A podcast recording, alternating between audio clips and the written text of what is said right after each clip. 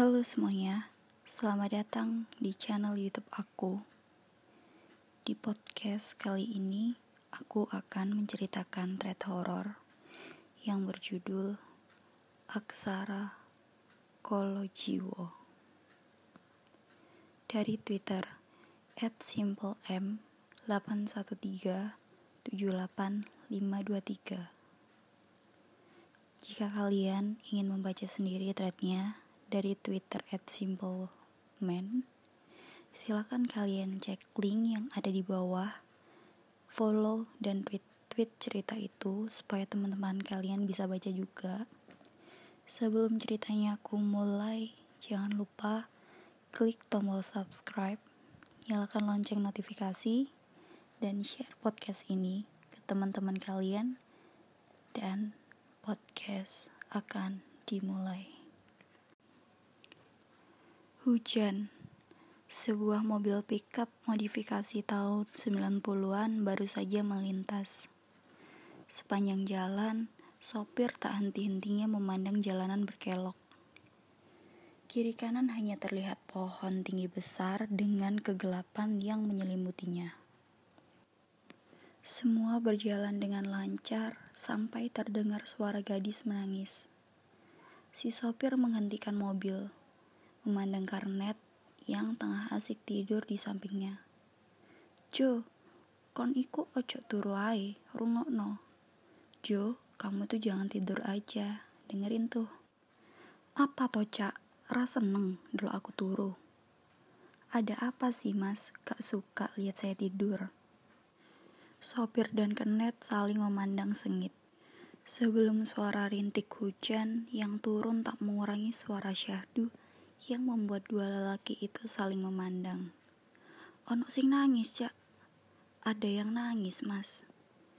Lah, tadi aku es ngomong, periksa. Kan aku udah bilang, cepet periksa. Kernet melangkah turun berbekal senter besar di tangan. Ia menuju bak tertutup di belakang pickup. Hujan masih turun deras. Sementara di samping kiri kanan tak ditemui seorang manusia satupun. Kendaraan pun tampak sepi. Meski diselimuti ngeri, namun Kernet tetap harus memeriksa. Dengan cekatan ia membuka gembok, namun sekejap ia merasakan perasaan merinding berdiri di tempat ini. Menenek aku dari sopir, kernetku bakal tak siksa kayak gini. Besok kalau aku jadi sopir, kernetku juga akan kusiksa kayak gini. Suara tangisan itu memang berasal dari bak belakang pickup, tempat si kernet sedang membukanya. Tiba-tiba, Pie, siapa sing nangis? Gimana? Siapa yang nangis? Sik iki tak periksa. Bentar, ini lagi ku periksa.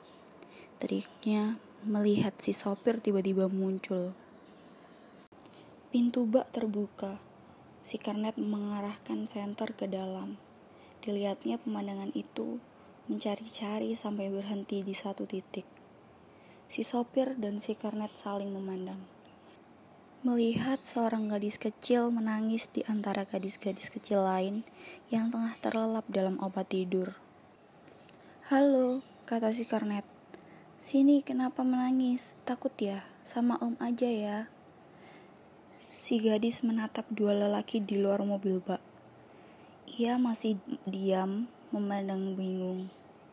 Namanya siapa? Nanti om kasih permen. Mayang, ucapnya polos. Si kernet tak menyerah.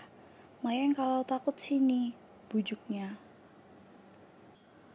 Kesuan Jo, kelamaan Jo, kata si sopir tak sabar.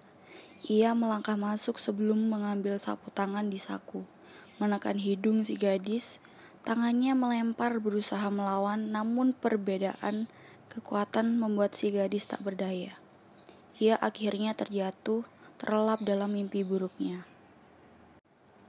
Si sopir melangkah keluar sembari menatap tajam rekannya. Menenek kerja sing bener. Besok kalau kerja yang bener. Lah bos, aku nuruti lambemu. Lah bos, saya sudah menuruti mulutmu.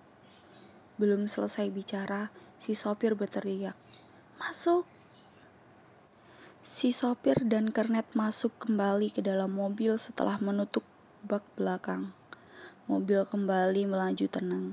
Tanpa mereka sadari, di antara anak-anak itu ada satu yang masih terjaga. Ia tahu apa yang terjadi bila ia menunjukkan dirinya dalam kondisi terjaga. Ke mana mereka dibawa? Mobil berhenti di sebuah jalan setapak. Sudah berkali-kali mereka bertemu dengannya, namun tempat pertemuan selalu berubah-ubah. Si kernet menatap si sopir. Cak, Wis iki terakhir ai, ojo urusan ambek menungso model ngono. Sampean gak aru arek iki bakal diapakno kan?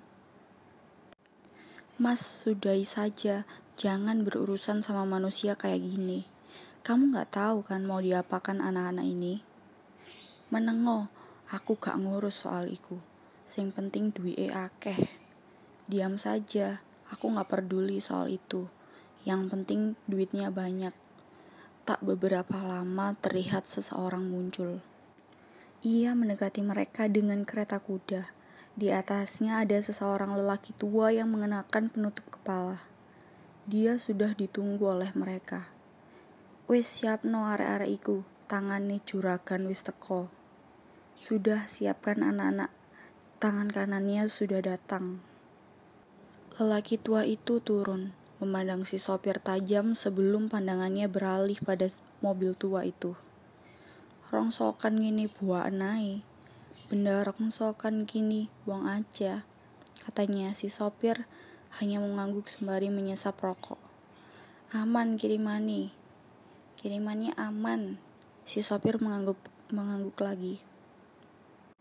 Tiba-tiba, entah ada apa, di tengah hujan turun, Si lelaki tua itu seperti mencium sesuatu sebelum memandang tajam si sopir. Aku gak butuh cah lanang. Aku tidak butuh anak lelaki. Si sopir tampak bingung. Maksudnya piye toh mbah? Maksudnya bagaimana mbah? Saat itulah mereka menuju tempat si kernet berada. Di sana, Lelaki tua itu masuk sebelum menarik rambut panjang salah satu anak yang tengah pura-pura tidur. Anak lelaki itu merintih kesakitan. Iki opo ke arek lanang? Apa ini bukan anak lelaki? Kedua orang itu bingung. Saiki berarti sing mok gowo me enam. Ini berarti yang kalian bawa cuma enam. Dua orang itu saling berbisik. Iki ya opo ceritanya arek lanang kok iso mok gowo? itu gimana ceritanya kok bisa-bisanya anak laki yang kamu bawa? Rambutnya dowo ya bos, tak pikir ya wedok.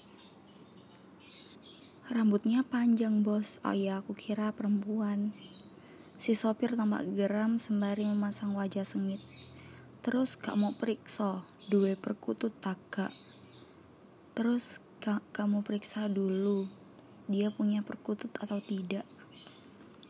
Si kernet tampak bingung, ora bos waktu ini mepet soali. Ngeten mawon bah, ucap si sopir. Pean bayar piroai kulo purun. Anda bayar berapa saja saya mau. Simbah menatap tajam sebelum tersenyum licik. Terus cah lanang iki digawe opo? Lalu si anak lelaki ini buat apa? Si sopir terdiam sebelum mengambil parang di mobilnya. Si sopir mendekati anak lelaki itu, menjambak rambutnya sebelum menghunus parang tepat di tenggorokan. Si Karnet membuang muka.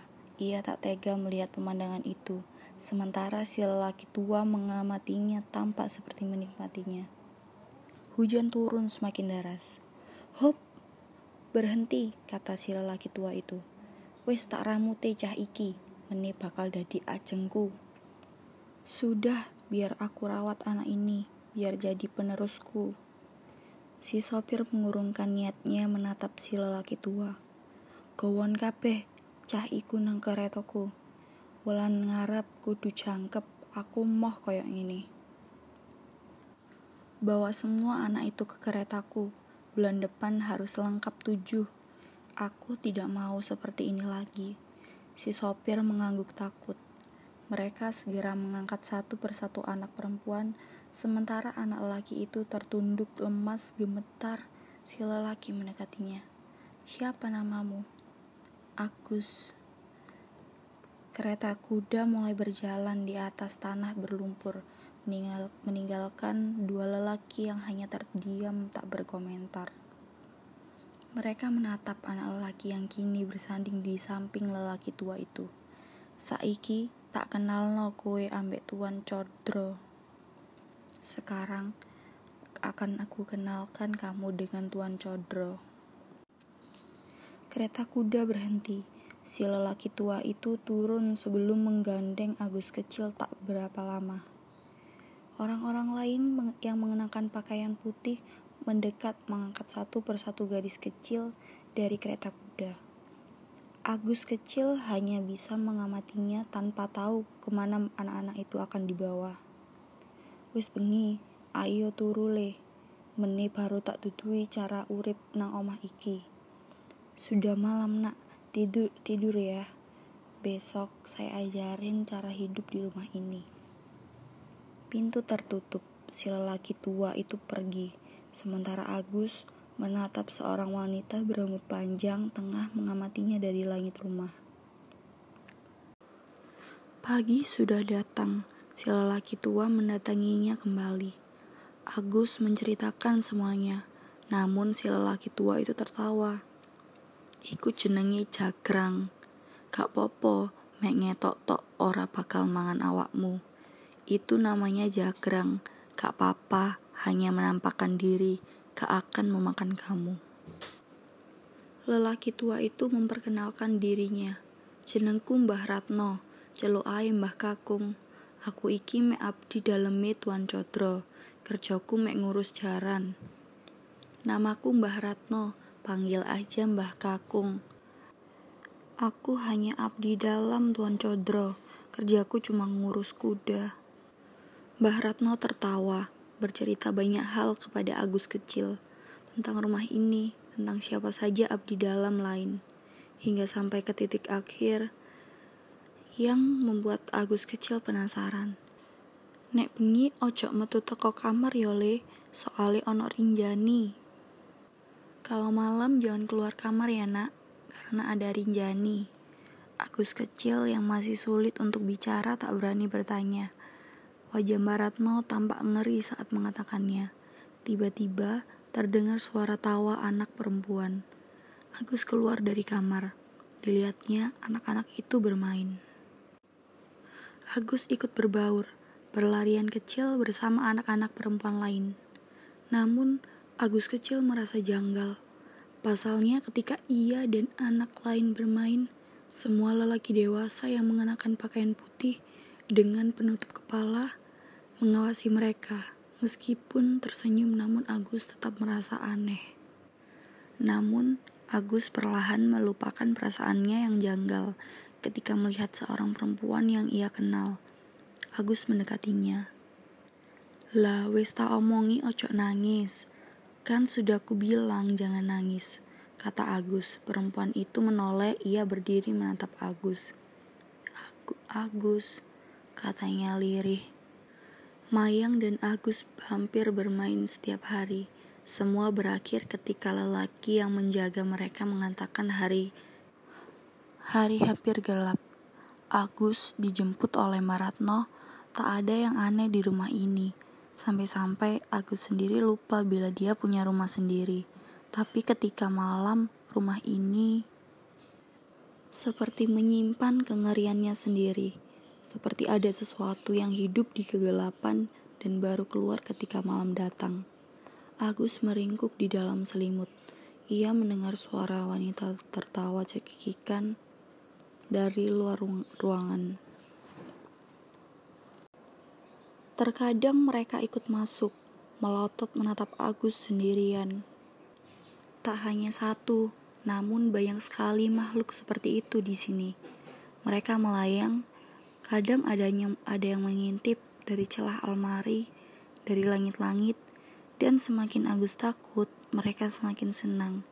Namun suatu ketika Agus pernah melihat mereka ketakutan saat suara itu datang. Suara itu parau, nyaris seperti suara yang tengah sekarat. Bila didengarkan dengan telinga, membuat Agu, Agus begidik ngeri. Namun tak hanya dirinya, semua jagerang lenyap. Pergi, sejujurnya Agus pernah hampir keluar dari kamar sebelum ia merasa suara itu begitu, begitu dekat mendekatinya. Agus mengurungkan niat. Ia meringkuk di bawah meja, memandang pintu, dan sosok itu melewati kamarnya. Bayangannya begitu hitam. Ia berjalan seperti seseorang yang pincang. Namun, satu yang tidak akan pernah Agus lupakan. Bayangan itu begitu panjang, seperti tak habis-habis. Pagi kembali, Agus bermain dengan yang lain lagi. Namun aneh, setiap hari satu persatu perempuan yang datang berkurang. Namun anehnya tak ada satupun dari mereka yang merasa kehilangan temannya, kecuali Mayang. Ia lebih sering murung sendirian. Hari itu datang, Mayang tak lagi terlihat di antara yang lain. Agus menemui Mbak Ratno di kandang kuda. Namun, lelaki tua itu seperti tak peduli. Rausa direken, gede noai manukmu. Ben siap tak urui. Gak usah diperdulikan, besarkan saja kemaluanmu biar bisa segera tak ajarin. Namun Agus tak menyerah. Malam itu juga ia berniat mencari Mayang. Mbak Ratno pernah bilang, jangan pernah keluar dari kamar. Karena tak seorang pun berani untuk keluar.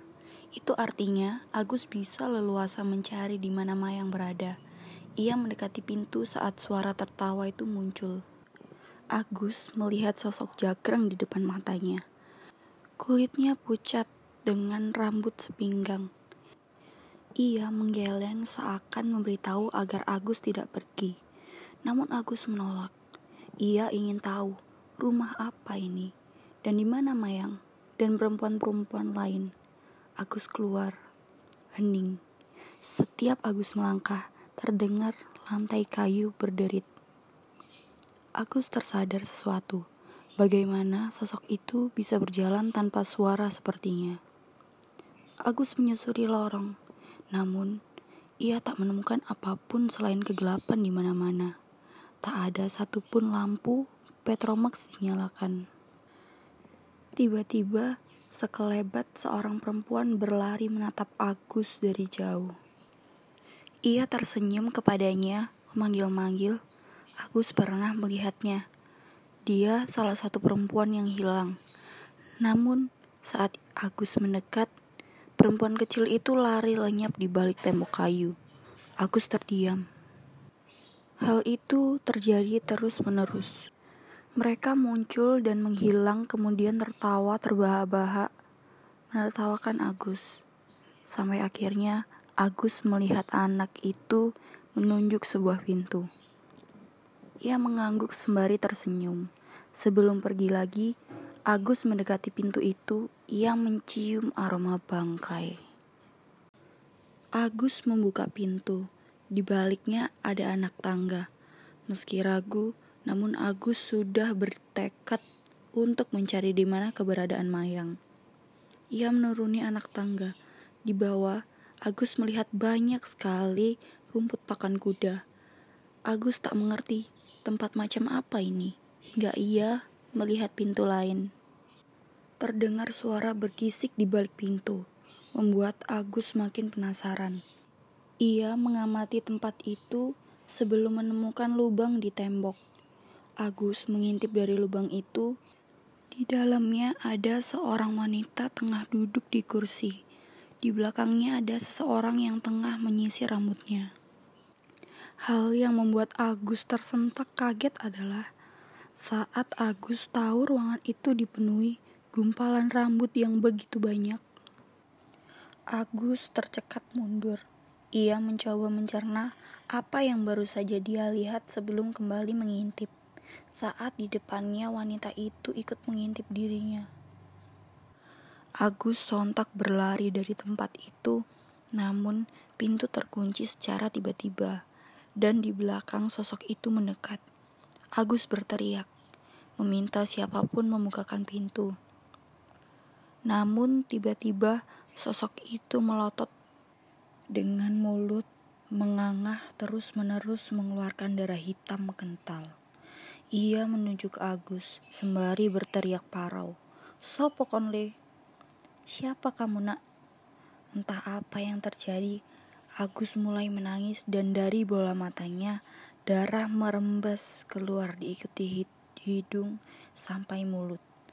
Ia mendekati wanita sebelum darah merembes keluar diikuti hidung sampai mulutnya. Ia mendekati si wanita sebelum menunduk merungkuh kakinya yang cacat. Rasa nyeri yang Agus rasakan begitu menyiksa. Untuk anak sekecil itu, Agus hanya bisa meronta-ronta. Seperti ia dikuliti dalam keadaan sadar karena ia kemudian menggaruk wajahnya terus-menerus, tak peduli kuku jarinya mulai patah satu persatu.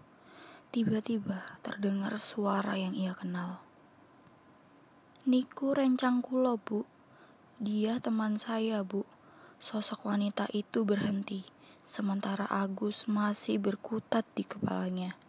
Ia terus menarik kulit wajahnya, menariknya hingga ada sentuhan yang ia kenal. Ia terus berbisik, kamu ngapain Gus? Gila kamu. Apa nggak ada yang kasih tahu? Tak beberapa lama, pintu terbuka dan suara lain yang Agus kenal datang. Ia mengangkat tubuh Agus sebelum membawanya pergi dari tempat itu. Namun, Agus masih mengelepar karena kulitnya masih terasa terbakar. Agus tak bisa melihat apa pun. Kon golek perkoro, Lapo cah lanang mok gowo mrene? Tuwek, bodoh. Kamu cari perkara, ngapain bawa anak lelaki ke sini? Tua, bodoh. Agus hanya bisa mendengar perdebatan itu. Baratno sepertinya dimarahi oleh yang lain. Agus masih terus menahan sakit. Ia tak tahu apa yang terjadi. Hingga terdengar suara pintu dibuka dan kedatangannya mendatangkan keheningan. Tak ada suara lain. Agus melihat bayangan seorang lelaki. Aromanya begitu harum yang sejenak membuatnya tak merasakan sakit. Mbah Ratno lalu berbicara. Tuan Codro, katanya dengan suara halus. Ono opo to iki? Ada apa ini? Agus masih meraba. Matanya tak begitu jelas menangkap sosok yang ada di depannya. Terdengar suara berbisik-bisik yang dijawab dengan, Wes, pet nono ai, raiso urip caiki, timbang kesikso, ndase isok pendem nangi sorwet ngarep. Sudah, matikan saja anak ini. Dia gak akan bisa hidup. Daripada kesiksa, kepalanya kan bisa dipendam di bawah pohon depan. Agus terkesiap saat mendengarnya karena kemudian beberapa orang melangkah mendekatinya. Tiba-tiba seorang masuk. Ojo dipateni, cah iku iso urip gawe ketiku. DE gak salah mergo gak sengaja ngambu ilmuku. Jangan dibunuh, anak itu masih bisa hidup pakai darahku. Dia gak salah karena gak sengaja mencium aroma ilmuku. Si lelaki menjawab, getihmu ra iso darahmu gak isa. Dia tetap mati, kecuali dia bisa belajar aksoro kalau jiwo. Dan belum tentu anak ini kuat nanggung akibatnya. Lagi pula, mati ya mati saja. Apa bedanya? Codro, kon ngerti sopo aku? Agus tercekat suara itu begitu menguncang. Agus seketika merasa dingin. Tak beberapa lama, Baratno berbisik pada Agus. Habis ini kamu akan minum darah yang akan jadi tanggunganmu, Gus. Ini akibatmu kalau ndak nurut sama saya. Baratno membantu Agus membuka mulut, dan cairan amis itu masuk ke tenggorokan Agus. Cah iki bakal dadi siji rojot sing bakal mel aku nang dalane pitu lakon. Iling-ilingen omonganku, saiki gowon aku adoh tekan omahmu aku gak iso nang kini maneh. Anak ini kelak akan jadi rojot yang akan ikut jadi orang yang penting. Ingat pesanku, sekarang bawa aku pergi. Suara laki itu menjawab pelan. Iya Rinjani, padusan pitu wes tak siapno kanggo kue. Padusan pitu sudah saya siapkan semuanya. Si lelaki kemudian berbicara lagi. No, basi Rinjani nguripi iki. Aku gak iso nerimo, tapi aku iso nerimo nek cah iki iso urip tekan benggolo sing tak gowo. No, Biarpun Rinjani sudah memberi kehidupan ke anak ini, aku gak bisa terima. Jadi, aku akan mengujinya. Apakah dia masih bisa hidup setelah ku buat setengah mati dengan benggoloku?